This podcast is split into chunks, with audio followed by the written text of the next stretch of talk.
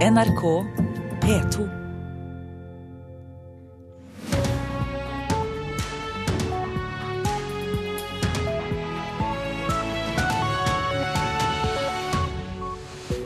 Vi skriver fredag 18. november. Her i Nyhetsmorgen skal det handle om budsjettforhandlingene på Stortinget. Drivstoffavgiftene er blitt for viktige, mener WWF, som etterlyser flere mer effektive miljøtiltak. Haiti skal velge ny president og nasjonalforsamling til helga, men folk flest har mer enn nok med å komme seg på fote etter orkanen Matthew. Arbeidstilsynet er ikke nøyd med tilhøva hos renovasjonsselskapet Veireno i Oslo. Flere ansatte ser ut til å jobbe altfor mye i det siste for å få søppelhentinga i hovedstaden på stell. Og som vi hørte i Dagsnytt, Magnus Carlsen var i kjempetrøbbel under sjakk-VM i natt. Om litt skal vi høre mer om hva som skjedde. Riktig god morgen. I studio i dag, Silje Sande. Sjefen for miljøorganisasjonen WWF, Nina Jensen, mener budsjettforhandlingene har feil fokus. Regjeringa og støttepartier står langt fra hverandre. Mellom annet nekter Venstre å forhandle med regjeringa før hun godtar store avgiftsøker på drivstoff. Jensen mener forhandlingene handler altfor mye om noen øre i drivstoffavgifter, mens store miljøtiltak havner i skuggen.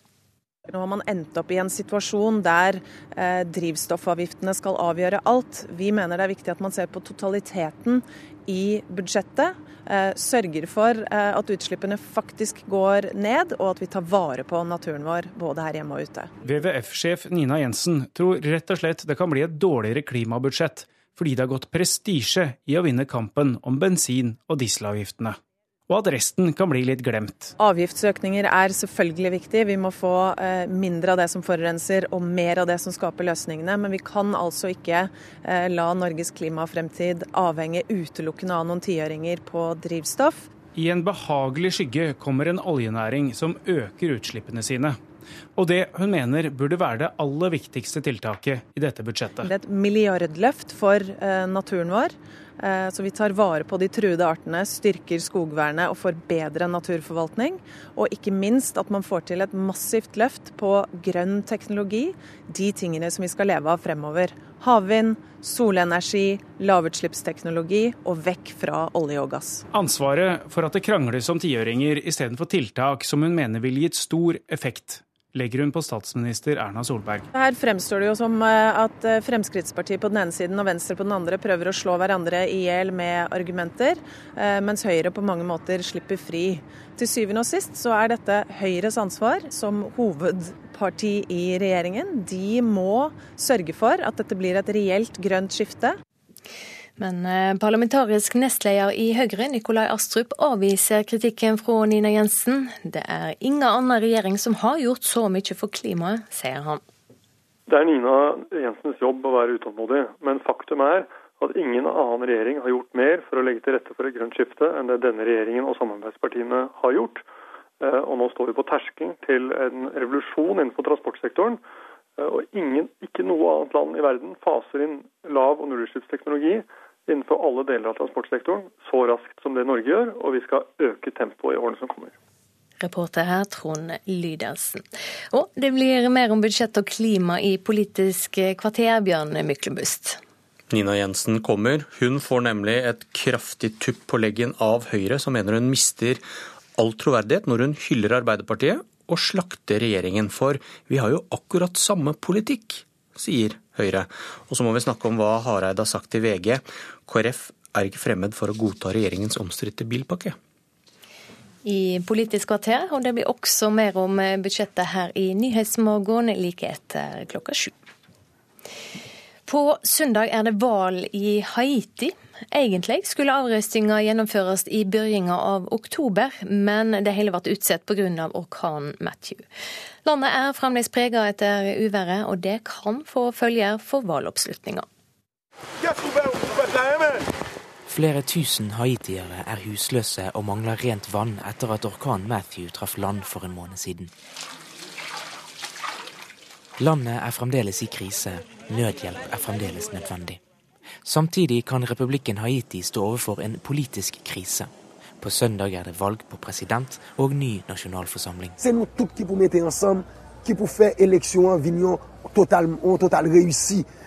Vi må stå sammen for at valget skal bli en suksess. Jeg er fornøyd med prosessen, den har vært åpen. Men vi må passe oss for at visse problemer ikke skjer igjen, sier Francois Anelson i et av partiene. Det var valg i Haiti for ett år siden, men det ble avslørt omfattende valgjuks, og etter måneder med protester og demonstrasjoner ble det lyst ut nyvalg. Pga. orkanen Matthew i oktober ble valget utsatt én måned og skal gjennomføres på søndag. Jeg er i tvil, jeg vet ikke hvem jeg skal stemme på, men det skal jeg finne ut av før søndag. Josef Marcel er en av omtrent seks millioner som er registrert for å stemme i Haiti.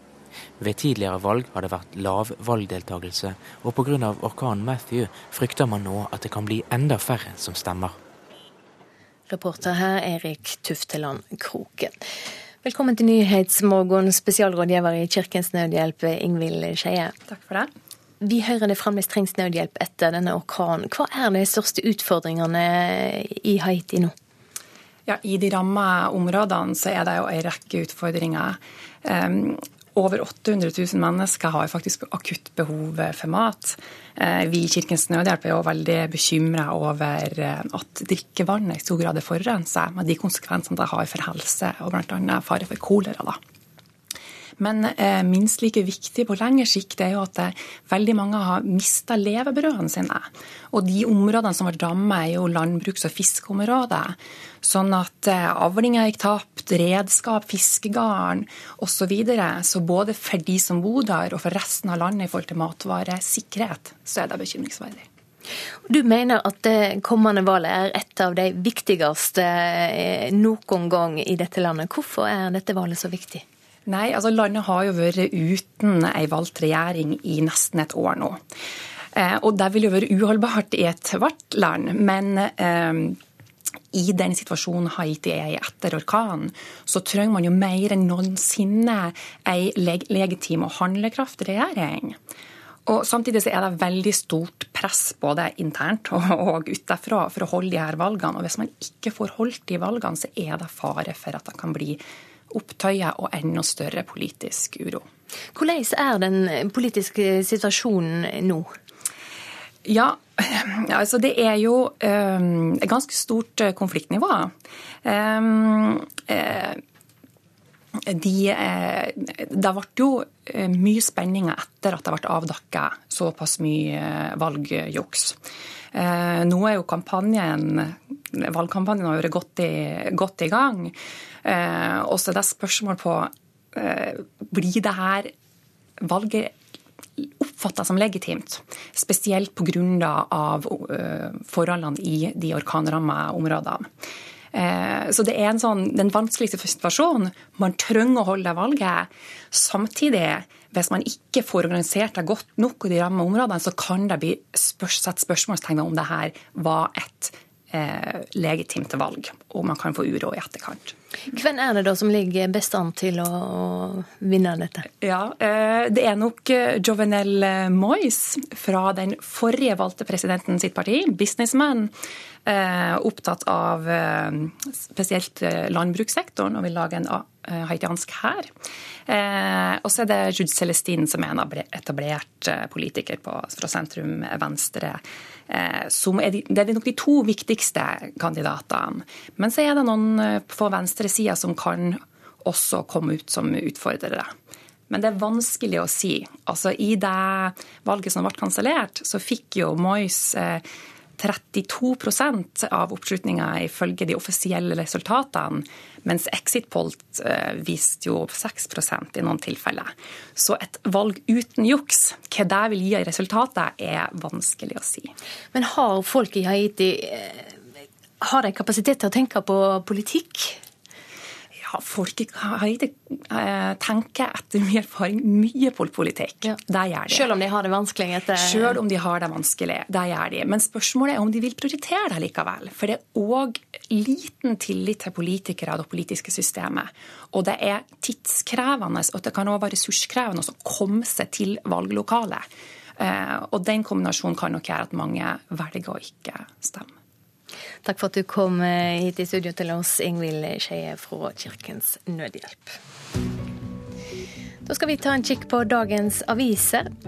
Ei kvinne i 60-åra svalt i hjel i sin egen bostad etter at hun ble sendt hjem fra sykehjemmen. Det skriver Dagbladet. Kvinna fikk først hjelp fra hjemmesykepleien, men ble så overlatt til seg sjøl i fem måneder.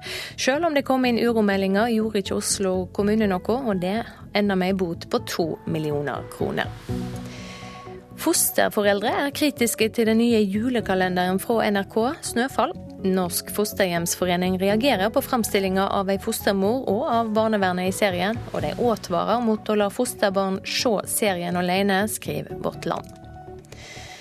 Tidsskriftet Minerva starter ny dagsavis på nett for høyresida. Målet er å skape ei borgerlig avis, skriver Klassekampen. I tillegg til støtte fra rike sponsorer håper avisa på to millioner kroner i pressestøtte. LO-medlemmer flykter fra Fremskrittspartiet. Det skriver Dagsavisen. Siden Frp kom i regjering, har oppslutninga om partiet blant LO-medlemmene fallet fra 17 til 7,7% Frp er partiet for de med mest, sier LO-leder Gerd Kristiansen. Finansavisen presenterer en liste over advokatene som tjener mest her i landet. Snittinntekta blant de 1500 på topp er på 3,5 millioner kroner. Den best lønna kvinnelige advokaten kommer på 11. plass med 14,4 millioner kroner i inntekt i fjor. Aftenposten skriver om mishandling av en baby. Helsesøster oppdaga blåmerket på brystet til den fem uker gamle ungen, og det syntes seg at babyen hadde 19 ribbeinsbrudd. Nå er begge foreldre dømte, og avisa har møtt de som jobber med å avdekke voldsbruken. Politiet i Hordaland etterforsker ikke bare færre grove narkotikabrotsverk, de tar også færre narkotikabrukere. Det skriver Bergens Tidende, som har snakka med folk i rusmiljøet i Bergen. Og det er full splid på Stortingets trøndelagsbenk, ifølge Adresseavisen. Det er ingen plan og dårlig samordning, sier Sivert Bjørnstad fra Frp. Vegforum Trøndelag mener det er åpenbart at Trøndelag har tapt veipenger på dårlig samarbeid på tvers av partier.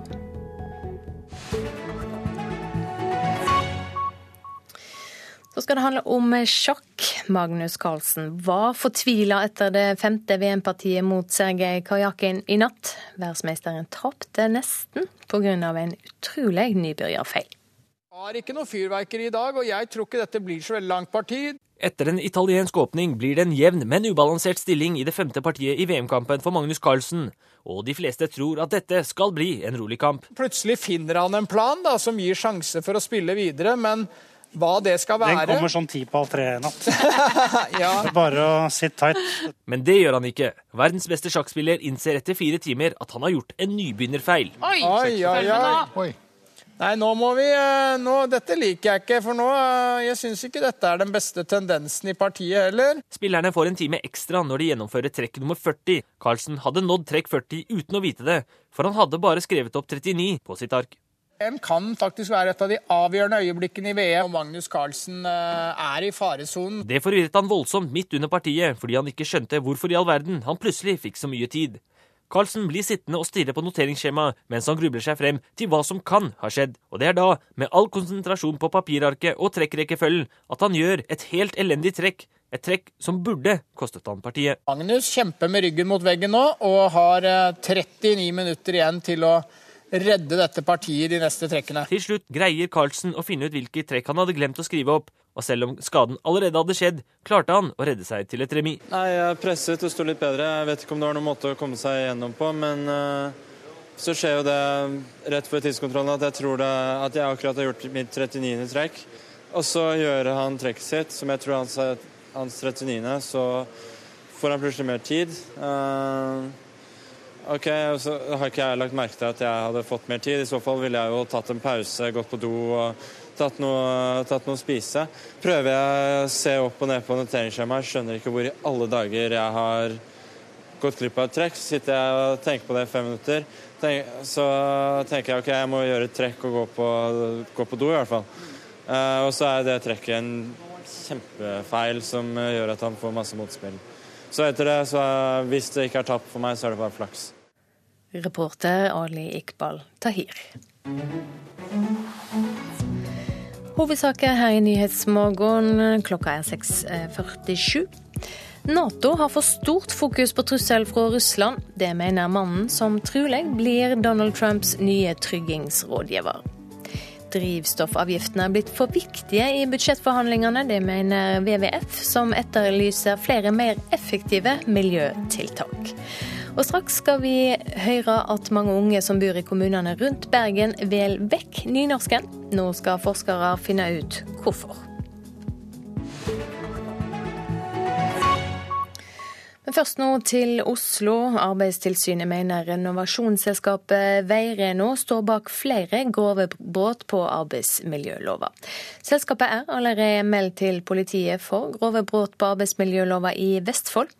1.11 starta Arbeidstilsynet tilsyn i hovedstaden, der eh, selskapet Veireno allerede har fått mye kritikk for ikke å hente båset i tide. Funnene når det gjelder tilhøver for de ansatte i Oslo er alvorlige, det sier tilsynsleder Vigdis Tingelstad. De innledende undersøkelsene som Arbeidstilsynet har gjort, viser at det dreier seg om til dels grove brudd på arbeidsmiljøloven.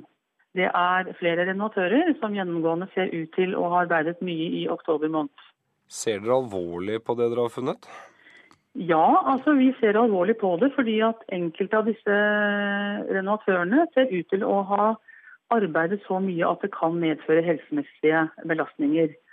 Det dreier seg om fysisk hardt arbeid, og skadepotensialet knyttet til dette arbeidet som renovatørene utfører, er jo stort sier tilsynsleder i Arbeidstilsynet i Østfold og Akershus, Vigdis Tingelstad, som understreker at de nå vil hente inn flere timelister og annen informasjon før de kan konkludere. Og I tillegg så har vi bedt om ytterligere opplysninger på et antall eh, arbeidstakere som vi også vil eh, gå gjennom. Og vi tar sikte på å ha ferdigstilt en tilsynsrapport med eventuelle varsler om pålegg i ca. uke 50. Veireno har også ansvaret for søppelhentingen i Vestfold, og er fra før under politietterforskning der, etter at Arbeidstilsynet Sør-Norge brukte sin strengeste sanksjonsmulighet og politianmeldte dem for grove brudd på arbeidsmiljøloven. Direktør i Veireno, Jonny Enger, ønsker ikke å kommentere denne saken før Arbeidstilsynets rapport er klar. Det sa reporter Knut Martin Løken. Forskere skal finne ut hvorfor ungdom som bor rundt Bergen, vil vekk nynorsken. I Fjell på Sotra hadde halvparten av skoleelevene nynorsk som hovedmål for ti år siden, men i dag har et klart flertall valgt bokmål. Nå vil kommunen snu utviklinga. Det kom veldig naturlig for meg å velge nynorsk på ungdomsskolen, fordi jeg hadde hatt det på barneskolen, og jeg syntes det var mye lettere. Pia Fagerbakke Lunde går i tiende klasse på Fjell ungdomsskole på Sotra. I denne klassen har alle valgt nynorsk som hovedmål. Men de tilhører mindretallet. For i nynorskkommunen Fjell velger ungdommene bokmål. Jeg følte bokmål var mye enklere for meg å skrive. Jeg har ikke så veldig sånn strila-dialekt. Så mye sånn ikke og sånne ord, da. Norsklærer Jorid Saure forbereder elevene på tentamen denne morgenen. Hun leder nå et prosjekt her i Fjell kommune som har som mål å få opp nynorskandelen blant ungdommen. Vi ønsker jo at elevene som har nynorsk som hovedmål, skal holde på målforma si. For 25 år siden skrev nærmere 80% av elevene i Fjell nynorsk. I dag er det bare 36% som gjør det. Sammen med forskere ved Universitetet i Bergen vil Fjell kommune finne årsaken til at Strile-ungdommen velger vekk nynorsken. Og ikke minst, hva kan gjøres for at flere beholder nynorsken når de begynner på ungdomsskolen? Det å gjøre nynorsken synlig er jo et veldig viktig siktemål her. For det er klart for veldig mange av våre elever så møter de kun nynorsk i norsktimene. Og det er jo noe som vi i prosjektet har lyst til å se litt nærmere på. Vi har lyst til å se mer av nynorsken også i de andre fagene. At nynorsken ikke bare hører hjemme i norskfaget. Prosjektet er jo et språkstyrkingsprosjekt som handler om å utvikle og fremme nynorsken på nye måter i, i opplæringa i, i, skolen i Fjell. Og så er jo universitetet med og bidrar med ideer, og vil gjerne forske på det som skjer. Det sier språkforsker og professor Endre Brunstad ved Universitetet i Bergen. Han tror også andre kommuner kan lære av Fjell og det de kommer frem til her. For flere andre bynære kommuner opplever det samme. Og det her henger jo sammen med først og fremst innflytting, eh, der foreldre da velger eh, bokmål når elevene begynner i første klasse. Fjell kommune er et område der ting har skjedd veldig sterkt. Det har vært sterk folkevekst. Det har vært sterke endringer i samfunnet. En bygger opp en ny by, Sotra kystby. Og eh, språkpåvirknaden og språkpresset fra Bergen er sterkere der enn veldig mange andre plasser. Og Derfor er det interessant å bruke fjell som et prisme for å se mer allmenne trekk ved språkpåvirkning, språkutvikling. Dere skal få utlevert et ark. Altså, jeg eh, har lyst til å fortsette å skrive nynorsk. Isabel Berge byttet til bokmål da hun begynte på ungdomsskolen, men valgte å ta nynorsk tilbake som hovedmål i tiende. Nå vil hun fortsette med nynorsk, også på videregående. Og jeg kommer nok mest sannsynlig til å gå på skole her ute på Sotra, så jeg satser på å beholde det så lenge jeg klarer. For jeg vil at mine unger òg skal eh, ha litt strila preg på seg. det sa Isabel Berge til reporter Siri Løken. I mange år har det vært planer om å lage film av boka 'Lords of Chaos', som handler om brotsverka i det norske black metal-miljøet på 1990-tallet, mellom annet drapet på Øystein Aarseth, som ble knivstukket av Varg Vikernes. I dag starter filminnspillinga på Tøyen i Oslo. Det skjer sjøl om black metal-miljøet metal ikke vil ha filmen. Det er jo litt rart å forbinde et sånt sted som man på en måte bor og syns er veldig hjemlig, med en sånn hendelse. Sier Bettina Holt Haraldsen, som er styremedlem i Tøyenhagen borettslag i Oslo. Det er over 23 år siden Øystein Aarseth, bedre kjent som Euronymous, ble drept i oppgangen sin her av Varg Vikernes. Nå skal drapet, kirkebrannene og andre hendelser i det norske black metal-miljøet filmatiseres i Hollywood-filmen Lords of Chaos basert på boka med samme navn. Filmen skal regisseres av svenske Jonas Åkerlund, som bl.a. har laget musikkvideoer for Beyoncé, Lady Gaga og Britney Spears. Inger Marie Lie har bodd i borettslaget siden 80-tallet, og forteller hendelsen slik hun opplevde det. Når det kom på Facebook at det skulle være filminnspillinger, da kom det liksom tilbake. Tenkte etter. Å ja, stemmer. Gikk ut om morgenen. Skulle på jobb. Alt var sperra her og fikk telefoner om hva som skjer. Helt siden begynnelsen har filmprosjektet blitt sterkt kritisert av black metal-miljøet. Blant annet har Jørn Stubberud, som er originalmedlem og spilte i pionerbandet Mayhem sammen med Aarseth, tidligere uttalt at han vil gjøre alt for å få filmen stoppet. Til NRK skriver han i en SMS at han og bekjente sliter med at filmen fokuserer på disse hendelsene. Jeg kan ikke tenke meg at de synes at dette er det minste stilig. Det sier musikkjournalist i Aftenposten, Harald Fossberg, som har skrevet black metal-historieboka 'Nyanser av svart'. Han tror det er vanskelig for folk som var i miljøet på den tiden å svelge at filmen lages, spesielt på stedet der Aarseth døde. Men altså, å filme det i et borettslag der hvor det faktisk har foregått et drap, altså det er jo, det er jo liksom ja, Gjenskape et drap, det er, det er ganske sært, da.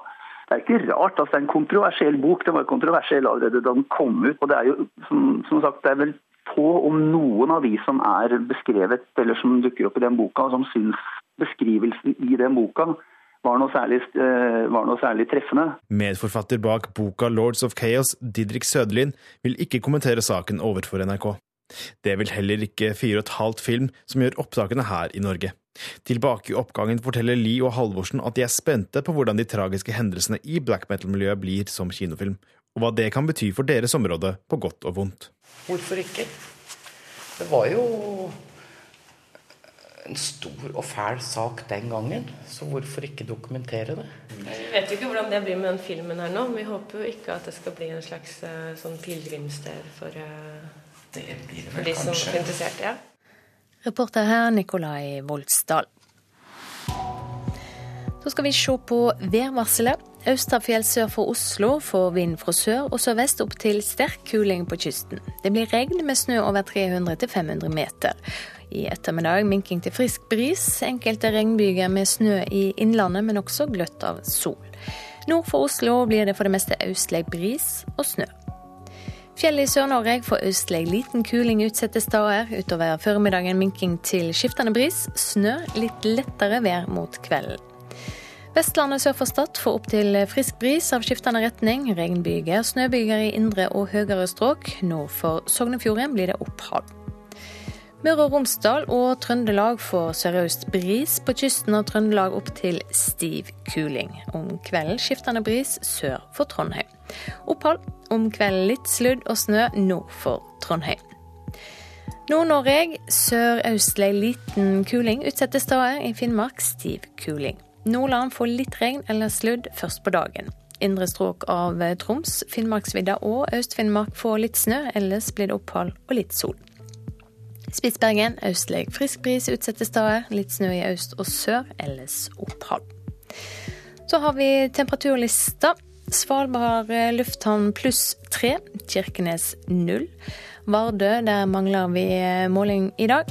Alta pluss én, Tromsø og Langnes minus 1, Bodø pluss 2, Brønnøysund pluss 4. Trondheim-Værnes mangler eh, eh, temperatur, Molde pluss 1. Bergen, Flesland og Stavanger, der mangler det også temperatur i dag. Kristiansand-Kjevik pluss 5, Gardermoen pluss 2, Lillehammer minus 2, Røros eh, minus 17 og Oslo-Blindern, eh, der var det målt eh, pluss 4 grader. Videre er det venta litt stigende temperaturer på Østlandet sør for Oslo, og litt lågere temperatur på Spitsbergen. Ellers blir det små endringer. Her i Nyhetsmorgen får du straks eh, siste nytt om budsjettforhandlingene på Stortinget. I går ble forhandlingene løfta oppover i partiene. De parlamentariske lederne må bli samlet i løpet av helga. Islam er en kreftbyll som må skjæres vekk, ifølge mannen som har fått tilbud om å bli ny nasjonal tryggingsrådgiver i USA, Michael Flynn. Og Valgsigeren til Donald Trump preger debatten mellom de konservative presidentkandidatene i Frankrike i går. Vi skal straks snakke med vår europakorrespondent. Og flyktningkrisa er absolutt ikke over. Flere enn 4500 mennesker har mista livet eller forsvunnet på veien mot Europa i år. Det er flere enn noen gang før. Ja, Frontene i budsjettforhandlingene er skjerpa de siste dagene, og det er fremdeles striden om den såkalte bilpakka som er det vanskelige. Politisk kommentator i NRK, Magnus Takvam, du er på plass i studio. Hvor står forhandlingene nå, når fristen faktisk eh, nærmer seg? Nei, Som du sier, så eh, er det veldig vanskelig. Eh, så lenge denne bilpakken, som altså består av beskjedne relativt beskjedne forslag til økning av bensin- og dieselavgift med kombinert med en kompensasjon eh, til bilistene i form av noe billigere årsavgift, eh, økt pendlerfradrag og noe mindre bompenger. Denne pakken eh, vil Frp ikke gjøre noe med, mens Venstre på den andre siden forlanger å øh, gjøre det. Øh, og dermed så, så står det i, i, stampe, særlig da selvfølgelig mellom disse to ytterfløyene i, i forhandlingene. Men uh, Hareide sier til VG at KrF kan godta den omstridte bilpakka. Hvordan vurderer du det? Det er litt uh, ordbruken som kanskje kan gi inntrykk av at uh, KrF er villig til å alene berge regjeringen. Uh, det jeg har forstått Kristelig Folkeparti prøver å formidle, er at de for sin del ikke har stilt la oss kalle det et ultimatum om denne bilpakken. Slik at for Kristelig Folkepartis del er det vesentlige at man når budsjettforhandlingene er ferdig, kan si at man har fått gjennom ting som fører til eh, reduserte klimautslipp. Og da om det skjer på andre områder av politikken enn akkurat på denne Eh, omstridte drivstoff- eh, og, og, bilavgiftspakken, så er ikke det det viktigste for Kristelig Folkeparti. Eh, men det er, det er klart at det, det, er nok også ulike vurderinger internt i, i KrF om det, dersom det blir stilt på spissen, er riktig av partiet å ja, få gjennomslag for sine krav så langt det går i en sånn situasjon, uavhengig av om da Venstre eh, sier nei og ikke godtar pakken. Sånn at eh, teoretisk sett så kan, kan, det oppstå en slik situasjon. Så det er, det er veldig mange spenningsmomenter i, i sluttspurten her. Hva vet vi om det tilbudet Høyre og Frp har lagt på bordet? Nei, vi vet jo ikke så veldig mye. Det er sagt at man har gjort endringer på vel 3 milliarder kroner eller noe sånt. Tidligere forlik har vært ganske mye større, eller relativt mye større, når, man da har kommet i mål de siste, de siste årene. Men det er et, et eget en egen utfordring å hente penger rett og slett i dette budsjettet. Når det gjelder alternative forslag til eh, å gjøre budsjettet grønnere, så har man fra Høyre og Frp lagt på bordet ting som f.eks. øker disse bymiljøpakkene, som, som, eh, som, er et grønt tiltak. Noe mer til kollektivtrafikk, og også mer forpliktende formuleringer om dette såkalte CO2-fondet, som er frivillig, en frivillig ordning for å få ned Eh, utslippene, særlig tungtransporten. Men det er altså ikke godt nok på langt nær for, eh, for eh, sentrumspartiene. Så er det slik at Partiet har sett en frist til søndag klokka 18 for å bli samlet. Hva skjer dersom de ikke klarer det? Nei, da må man gå inn mot vedtaket i finansdebatten om et par ukers tid uten å vite om det blir flertall for budsjettet. Da legger de ulike partiene inn sine merknader i finansinnstillingen uten et avklart flertall. Eh, og et moment der er om da Høyre og Frp f.eks. kommer Eh, med mer enn det de har tilbudt, eller noe av det samme de har tilbudt i forhandlingene, men som da eventuelt ikke er akseptert. Og også skal vi si, dealer og forhandler videre helt fram til selve møtet for å forsøke å få, få i siste omgang eh, et flertall for, for, budsjettet. Og det kan ende med kabinettspørsmål, og spørsmål om krise henger, henger jo i luften rundt, rundt disse forhandlingene. Takk så langt, politisk kommentator Magnus Takvam. Og det blir mer om dette i Politisk kvarter litt senere.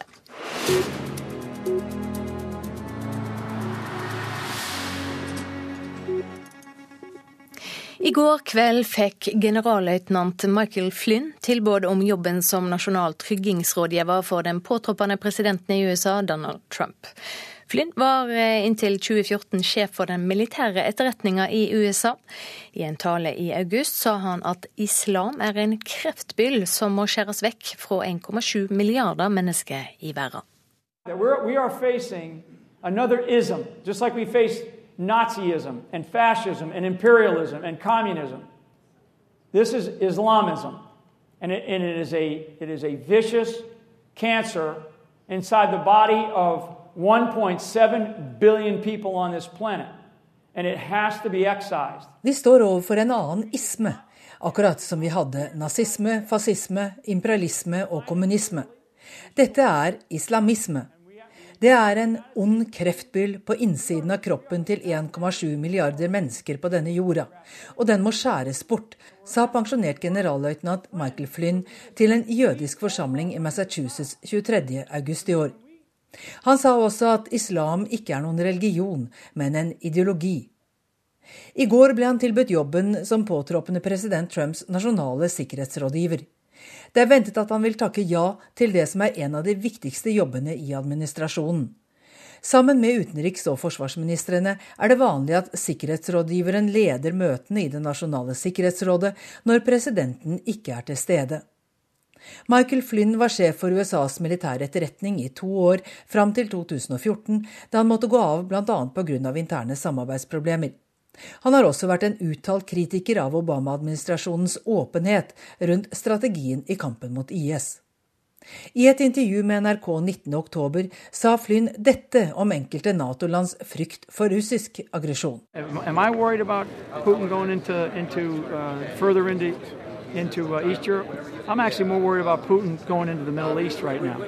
Jeg er mer redd for at Putin går inn i Midtøsten enn videre inn i Øst-Europa akkurat nå, sa Flynn.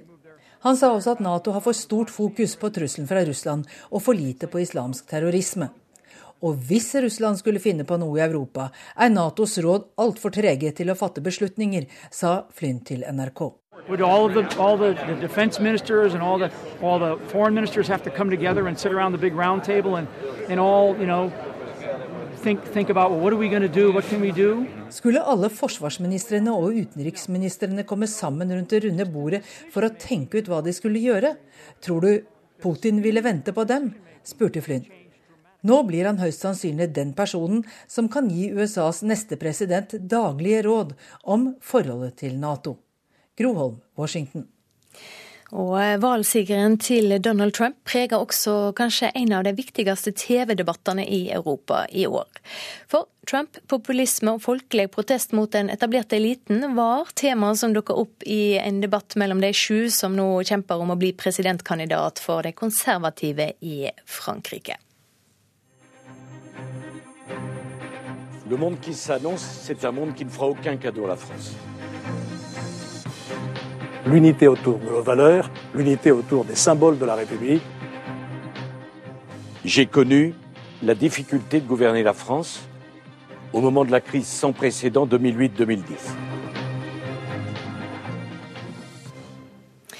Ja, Europakorrespondent Philip Lote, det konservative partiet skal ha sitt første nominasjonsvalg på søndag. Hva står på spill for eh, disse kandidatene?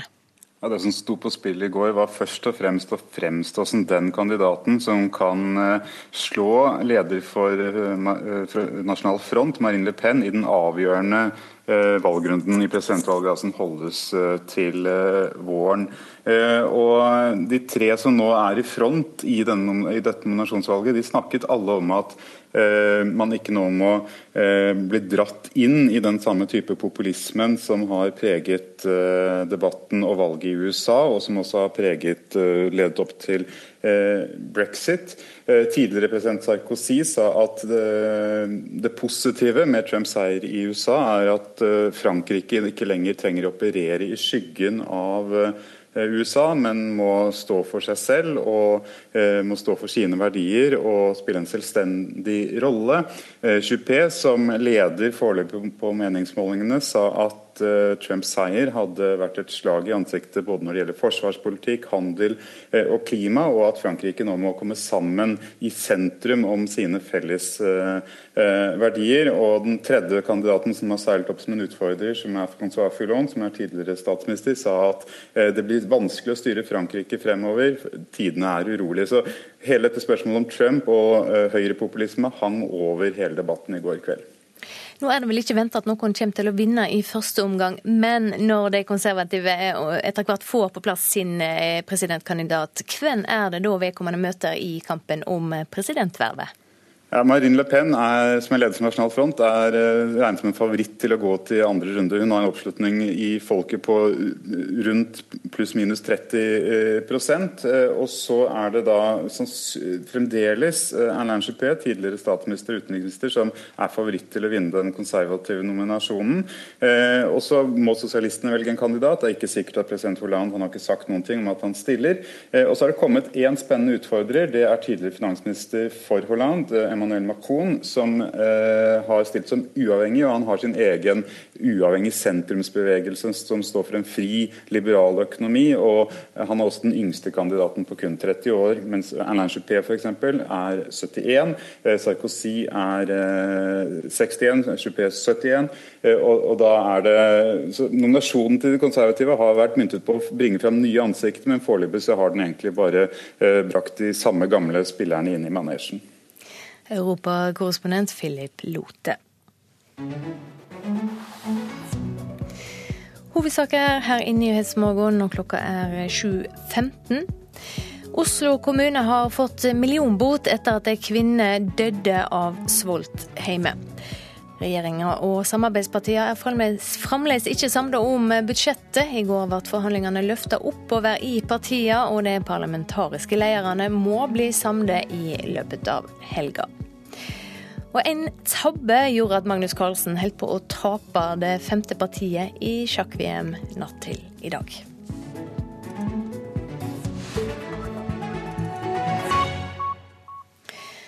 Det er satt en ny dyster rekord i Middelhavet dette året. Til nå i år har flere enn 4500 mennesker mista livet eller forsvunnet mens de har forsøkt å komme seg til Europa. Det er det høyeste tallet noensinne. I fjor omkom 3770 mennesker ifølge FN-organisasjonen for migranter. Tidligere denne veka var italiensk TV med Kystvakta og filma en redningsaksjon. En hvit gummibåt stappfull av desperate flyktninger og migranter.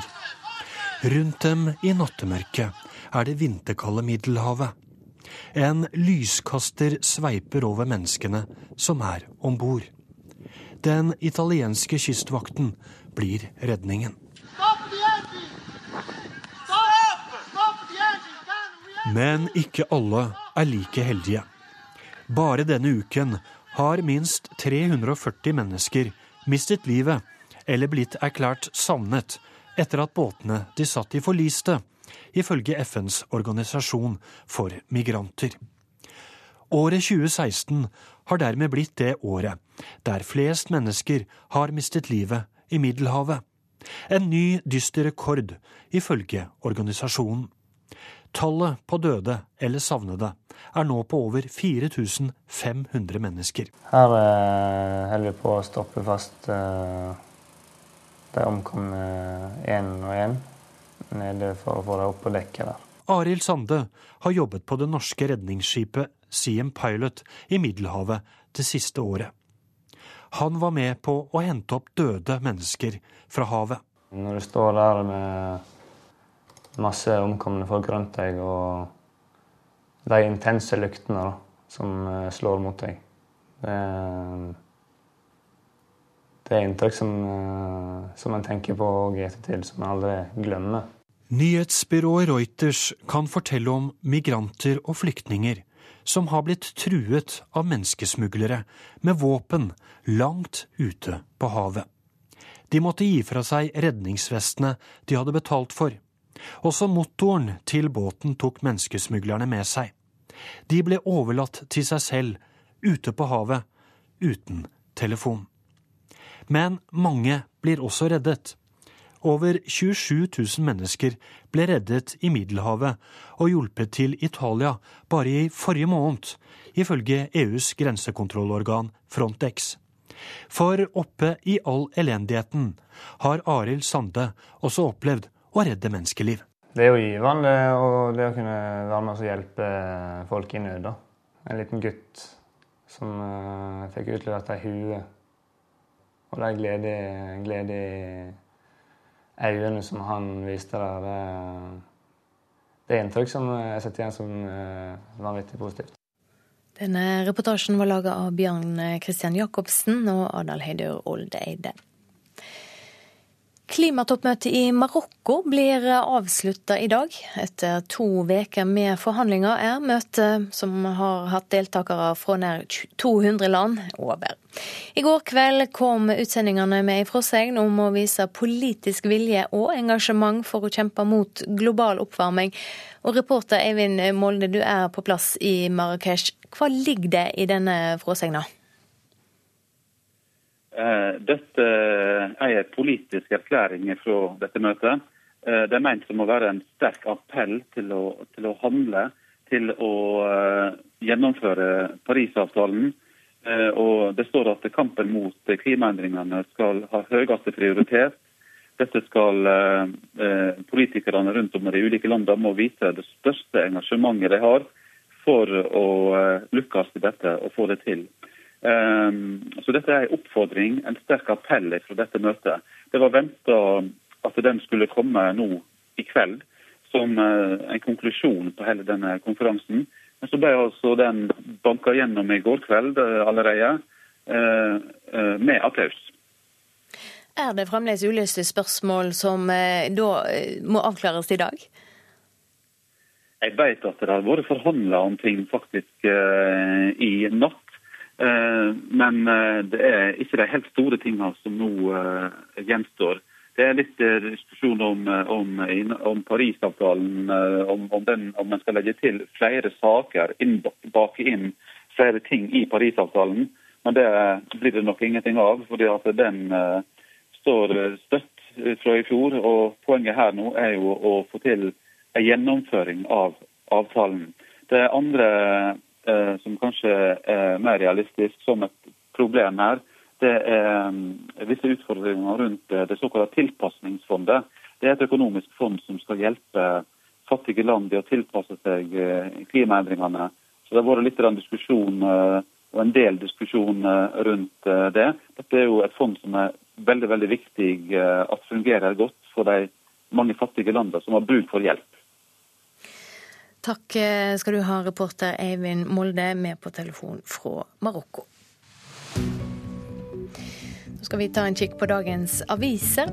LO-medlemmer flykter fra Frp, skriver Dagsavisen. Siden Frp gikk i regjering, har oppslutninga om partiet blant LO-medlemmene fallet fra 17 til 7,7% Frp er partiet for de med mest, sier LO-leder Gerd Kristiansen. Aftenposten skriver om mishandling av en baby. Helsesøster oppdager blåmerker på brystet til den fem uker gamle ungen, og det syntes seg at babyen hadde 19 ribbeinsbrudd. Nå er begge foreldre dømte. Avisa har møtt de som jobber med å avdekke voldsbruken. Ei kvinne i 60-åra svalt i hjel etter at hun ble sendt hjem fra sykehjem, skriver Dagbladet. Kvinna fikk først hjelp fra hjemmesykepleien, men ble så overlatt til seg sjøl i fem måneder. Nå har Oslo kommune fått ei bot på to millioner kroner. Fosterforeldre er kritiske til den nye julekalenderen fra NRK, 'Snøfall'. Norsk fosterhjemsforening reagerer på framstillinga av ei fostermor og av barnevernet i serien. Og de advarer mot å la fosterbarn se serien alene. Det skriver Vårt Land. Tidsskriftet Minerva starter ny dagsavis på nett for høyresida. Målet er å skape ei borgerlig avis, skriver Klassekampen. I tillegg til støtte fra rike sponsorer håper avisa på to millioner kroner i pressestøtte. Og Finansavisen presenterer lista over advokatene som tjener mest her i landet. Snittinntekter blant de 1500 på topp er på 3,5 millioner kroner. Den best lønna kvinnelige advokaten kommer på 11. plass. Fedrelandsvennen kan fortelle at det ligger store mengder eksplosiver i Byfjorden i Kristiansand. Flere tusen tonn med ammunisjon ble dumpa langs sørlandskysten i 1945. Nå krever miljøorganisasjonen Bellona ei kartlegging. Og det er full splid på Stortingets trøndelagsbenk, ifølge Adresseavisen. Det er ingen plan og dårlig samordning, sier Sivert Bjørnstad fra Frp. Vegforum Trøndelag mener det er åpenbart at Trøndelag har tapt veipenger pga. dårlig samarbeid på tvers av partier. Og Dagbladet skriver om et stykke dramatisk krigshistorie. Erling Lorentzen, som senere ble kongen sin svoger, ga vinteren 1945 ordre om å ta livet av en norsk nazist i Hallingdal. Lorentzen forteller om hendinga i en ny bok som kommer ut nå.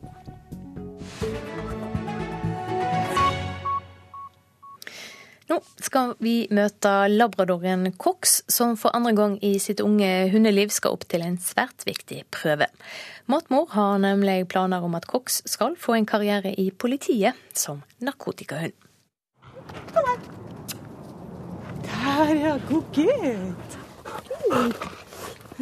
Bra.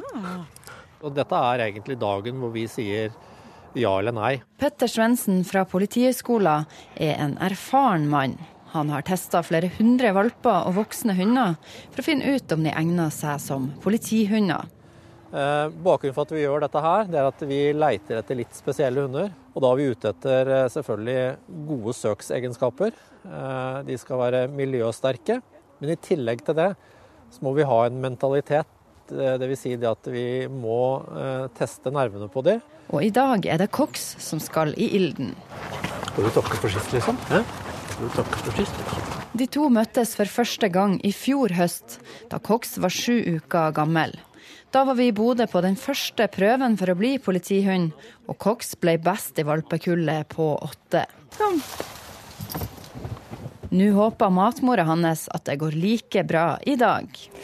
Ja, det er jo vinn eller forsvinn. Hvis han ikke får godkjent, så eh, må vi starte på nytt igjen med en annen hund.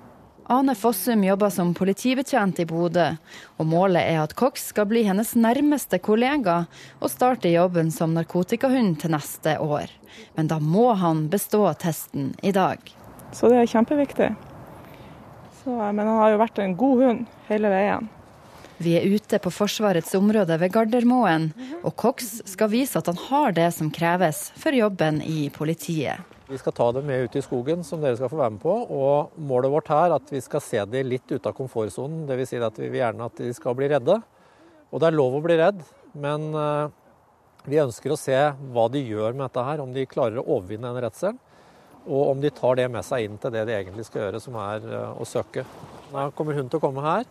Hun og passere den kassa der. og Der kommer det til å komme et skrammel. Gå inn til skramlet.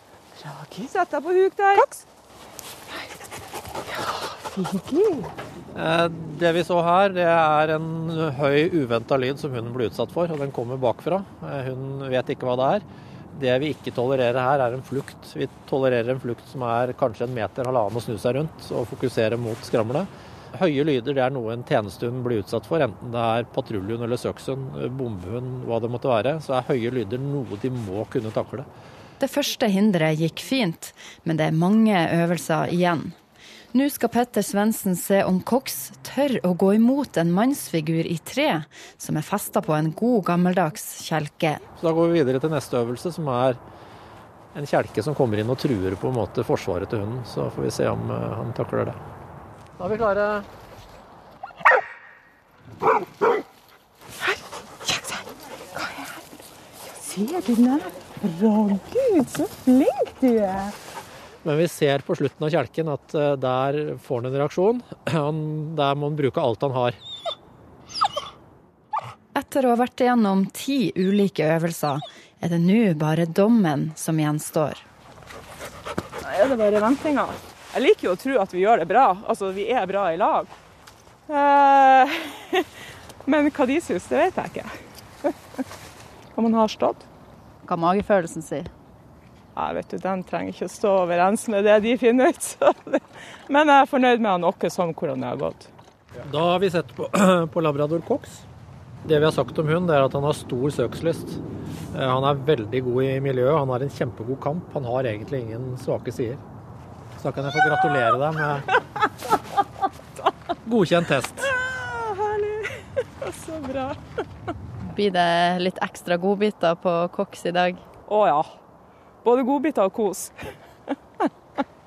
Så det, han har gjort seg vel fortjent til det. Ja, det har du. ja, du er flink. Ja. Og hvis du vil se hvordan denne testen foregår, så må du skru på Norge Rundt på NRK1 klokka 19.30 i kveld. Reporter her Lise Forfang Hagen. I reportasjen etter Dagsnytt om vel ti minutter skal vi til Brasil. Der er det mange som frykter følgende dersom USA blir mer proteksjonistisk under Donald Trump. Produsent for Nyhetsmorgen i dag, Eli Bjelland. Her i studio, Silje Sande.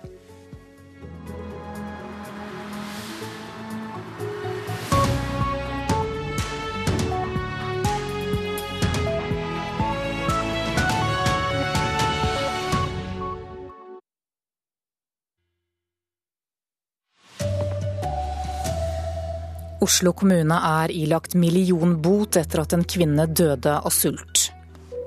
Tiden er i ferd med å renne ut i forhandlingene om et statsbudsjett for neste år. Og en tabbe gjorde at Magnus Carlsen holdt på å tape det femte partiet i sjakk-VM i natt. Her er NRK Dagsnytt klokka 7.30.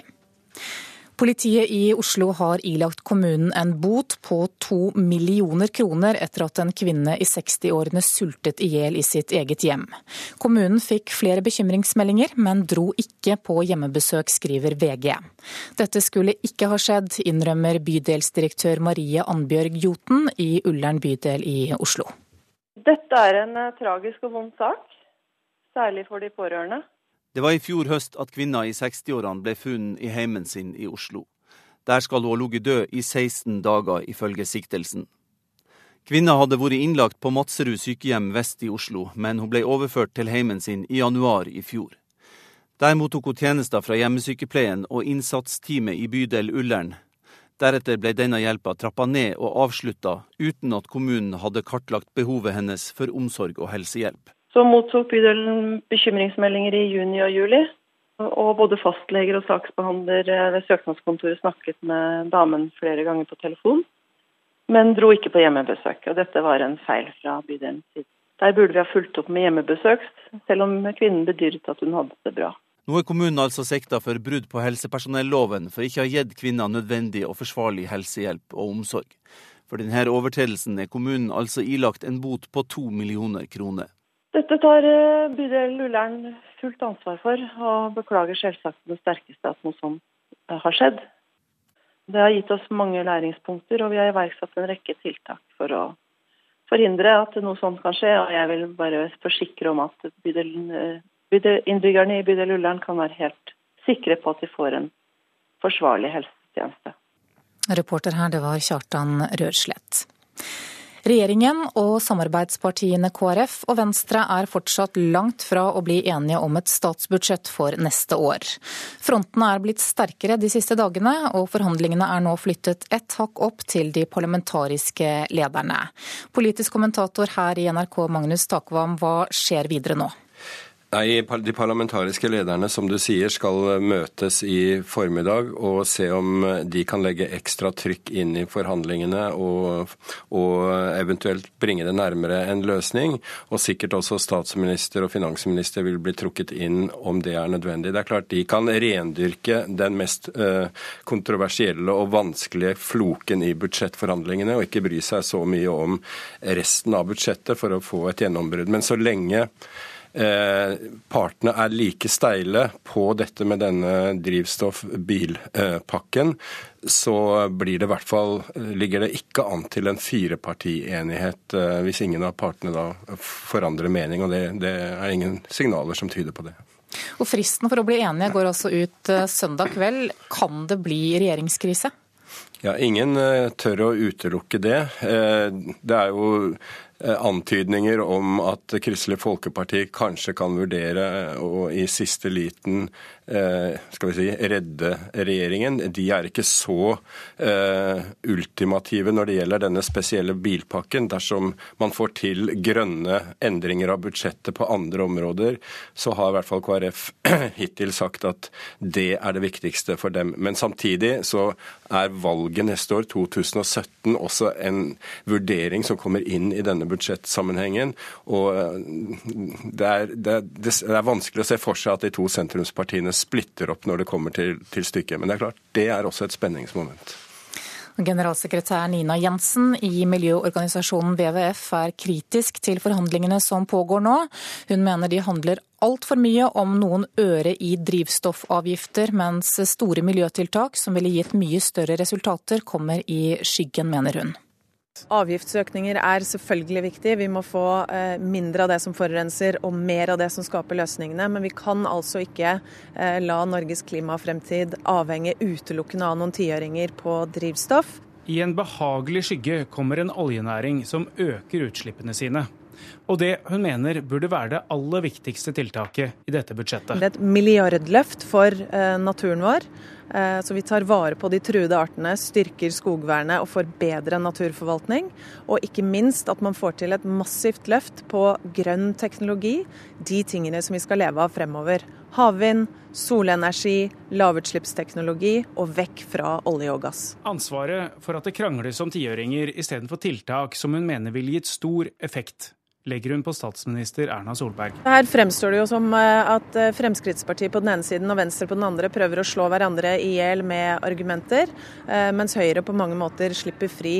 Til syvende og sist så er dette Høyres ansvar som hovedparti i regjeringen. De må sørge for at dette blir et reelt grønt skifte.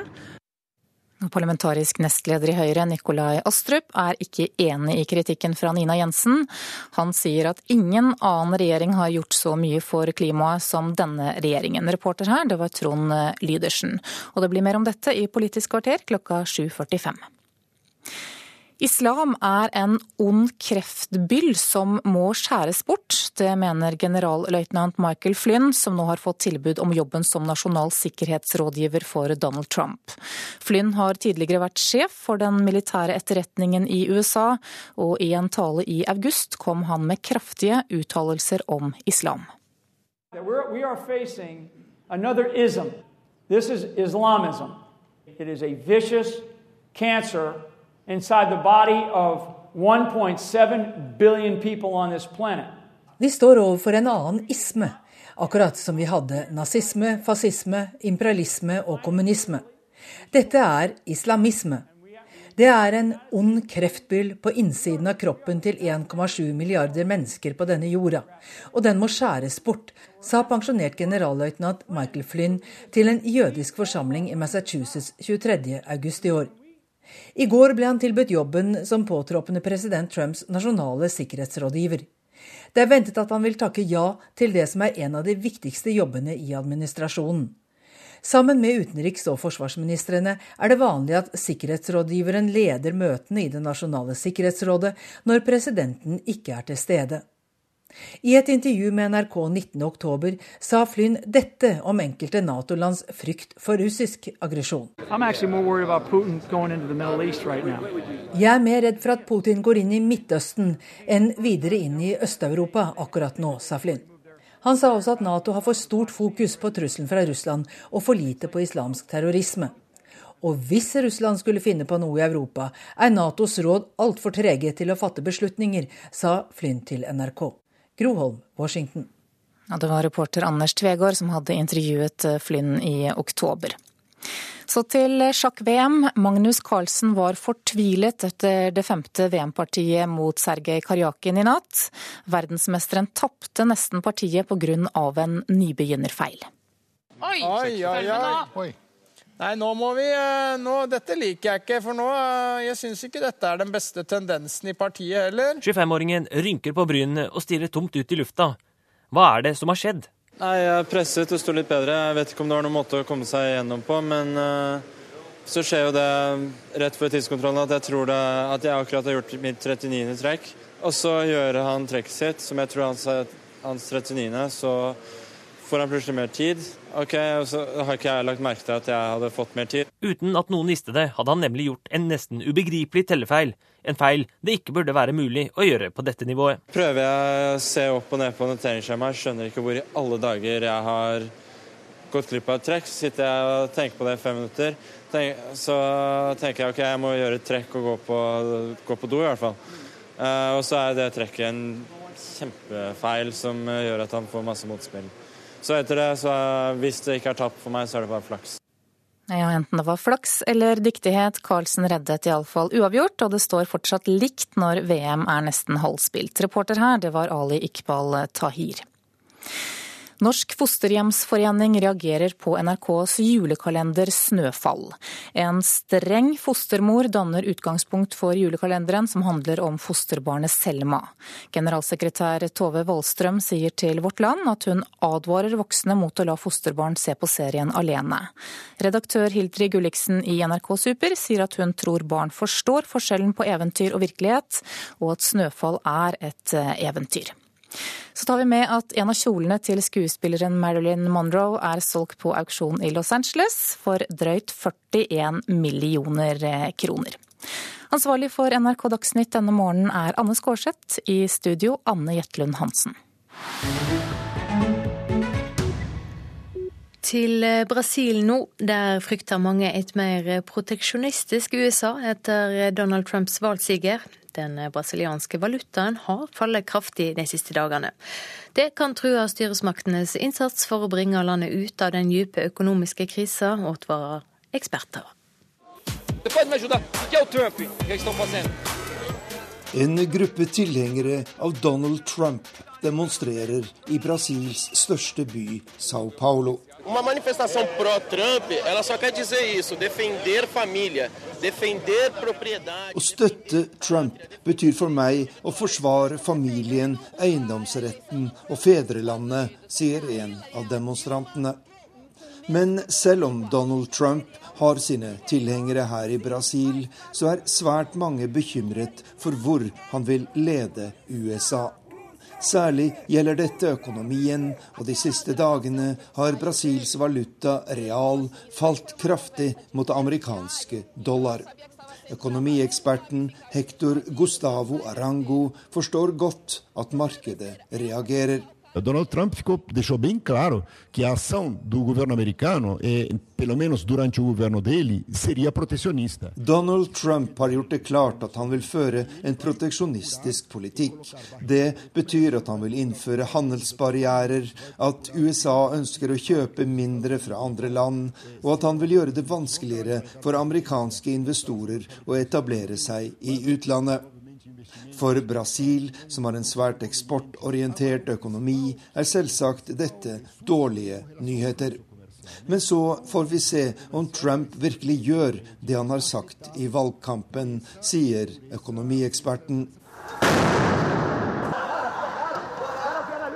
Store politistyrker settes inn mot en demonstrasjon i Sao Paulo. Protestene retter seg mot PEC, en grunnlovsendring som vil føre til at offentlige utgifter skal holdes på dagens nivå de neste 20 årene, bare justert for inflasjon. Den nye høyreregjeringen mener dette er nødvendig for å hindre at Brasils offentlige utgifter løper løpsk. Men venstresiden er svært kritisk til forslaget. Dette er en lovendring som først og fremst rammer de fattige i et land der de sosiale forskjellene er blant de største i verden, sier han.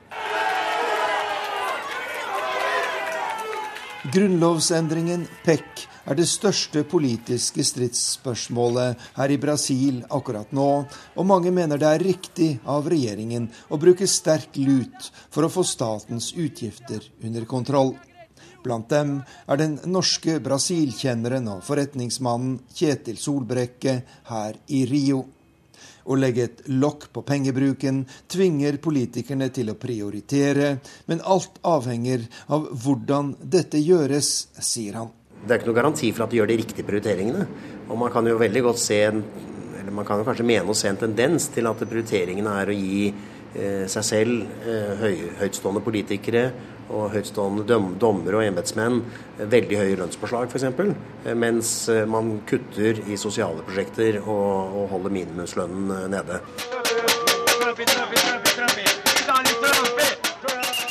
USA-valget har skapt uro hos brasilianske myndigheter og investorer. Men ekspertene er fullstendig enige om at årsakene til landets økonomiske problemer ligger i landet selv. Reporter i Rio de Janeiro var Arnt Stefansen. Oslo kommune må betale to millioner kroner i bot fordi ei kvinne svalt i hele hjemme etter at hun ble sendt eh, ut fra sykehjemmet. Det skriver VG i dag. Nato har for stort fokus på trussel fra Russland. Det mener mannen som har fått tilbud om å bli Donald Trumps tryggingsrådgiver. Drivstoffavgiftene er blitt for viktige i budsjettforhandlingene. Det mener WWF, som etterlyser flere mer effektive miljøtiltak. Regjeringa og samarbeidspartiene er fremdeles langt fra å bli samlet om et statsbudsjett for neste år. Magnus Carlsen var i kjempetrøbbel under sjakk-VM i natt. Fordi han trodde han hadde dårlig tid, gjorde han et dumt trekk, og det var så vidt han berga uavgjort. Nå er det klart for Politisk kvarter, der det blir mer om budsjettet. Programleder Bjørn Myklebust.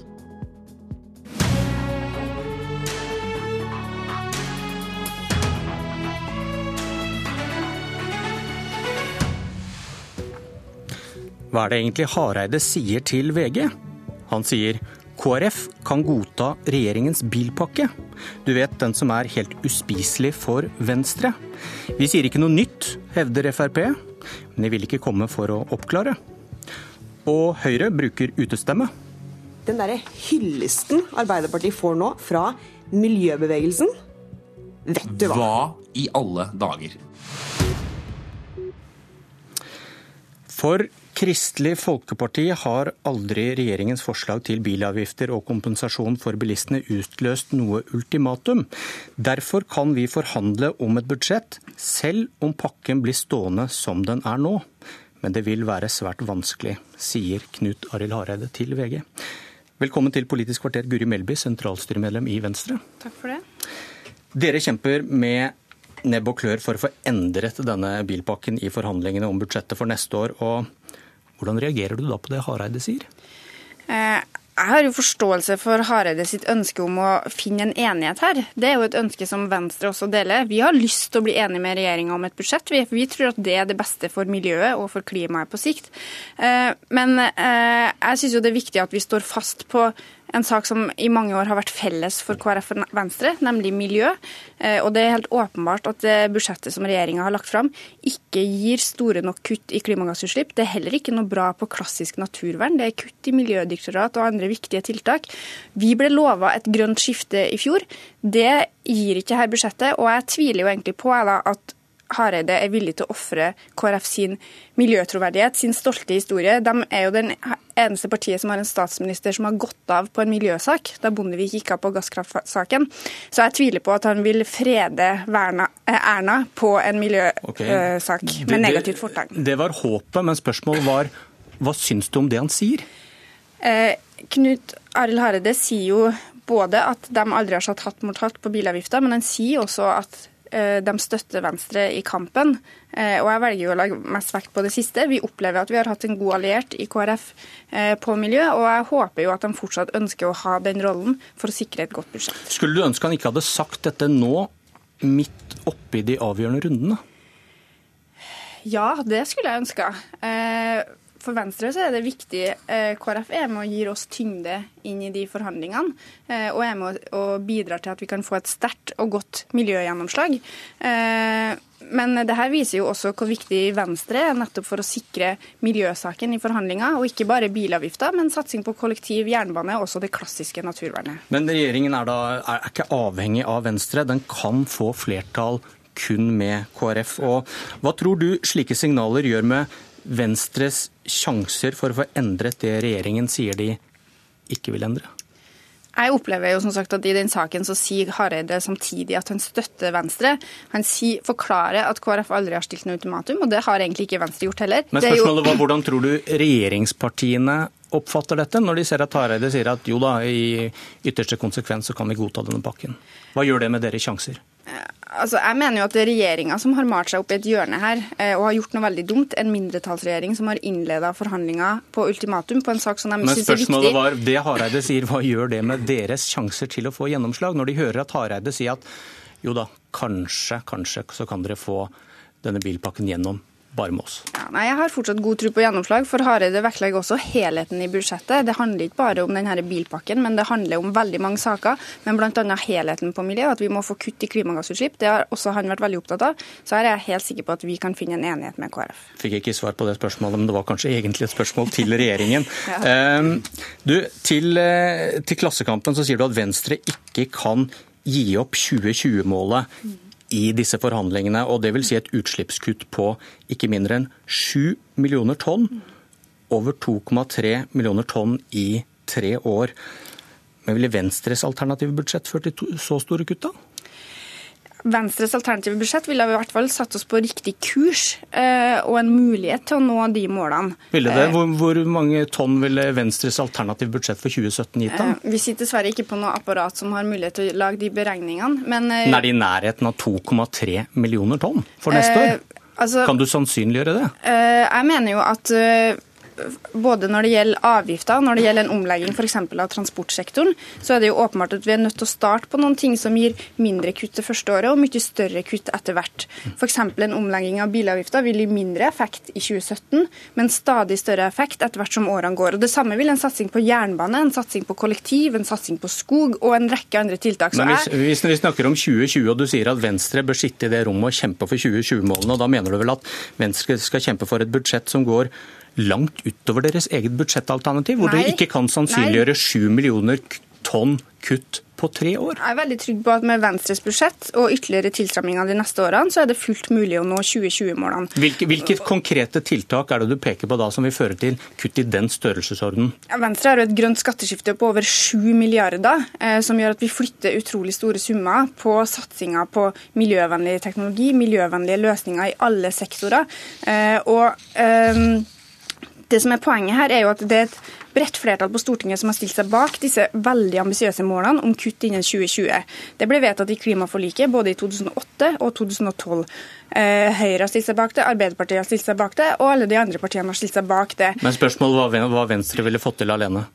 Jeg mener at med Venstres budsjett så er det fullt mulig å nå 2020-målene hvis vi hadde fått lov til å også stramme til de budsjettene ytterligere i neste årene fram mot 2020. Eh, og jeg er opptatt av at eh, altså budsjettet til både regjeringa og til Arbeiderpartiet kansellerer i praksis 2020-målene. Det er noe som Venstre ikke kan være med på. Det må være fortsatt mulig å nå 2020-målene med det som vi skal være med på nå. Ok, tallknusere der ute begynner å regne. Um Takk, Guri Melby. Hareide han vil ikke komme hit i dag, men politisk kommentator Magnus Takvam, det vi begynte med her, hvordan skal vi forstå det Hareide sier om å kunne godta denne omstridte bilpakken?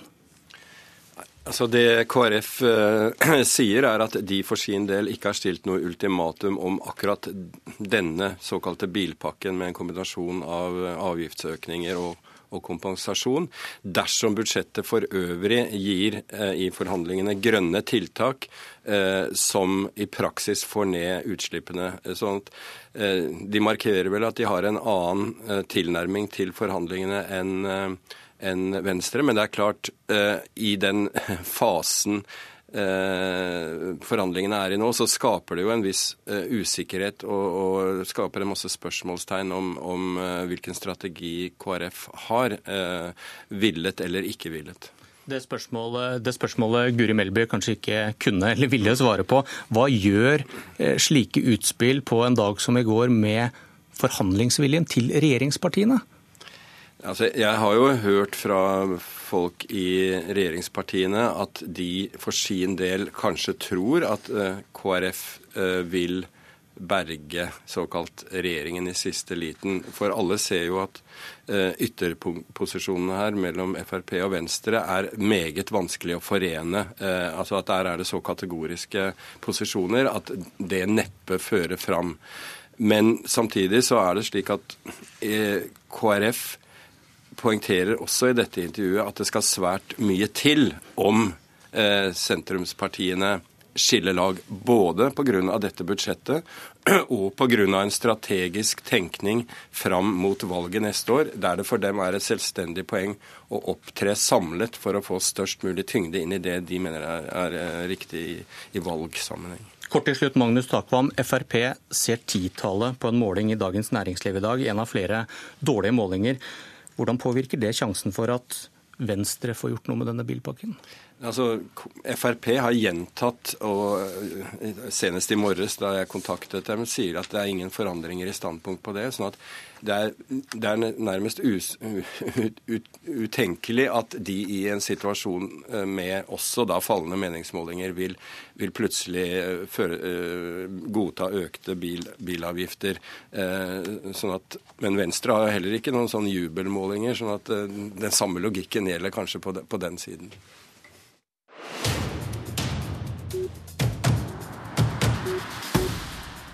F.eks. fra WWF. da, mm. Nina Jensen. altså Den hyllesten hun hadde av alternativet til Arbeiderpartiet kontra den slakten hun har hatt av regjeringen. Ja. Eh, så det henger ikke sammen. Nei, Det gjør ikke det. Det henger ikke sammen. Nei. De kaster sin troverdighet i grøfta med ja. å holde på sånn. Ja.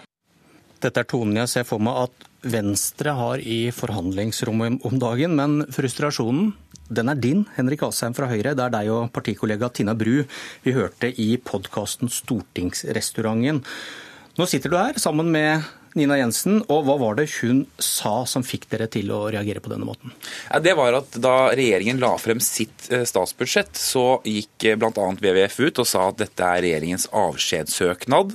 Eh, andre miljøorganisasjoner gikk enda lenger enn WWF og mente det på en måte var helt katastrofe. da. Og Så kom Arbeiderpartiet med sitt alternative statsbudsjett, og så så vi på det, og så var det jo til forveksling likt regjeringens. Altså, Retningen er den samme, satsingen er den samme. Selvfølgelig et opposisjonsparti overbyr på noen poster osv., men det er veldig likt.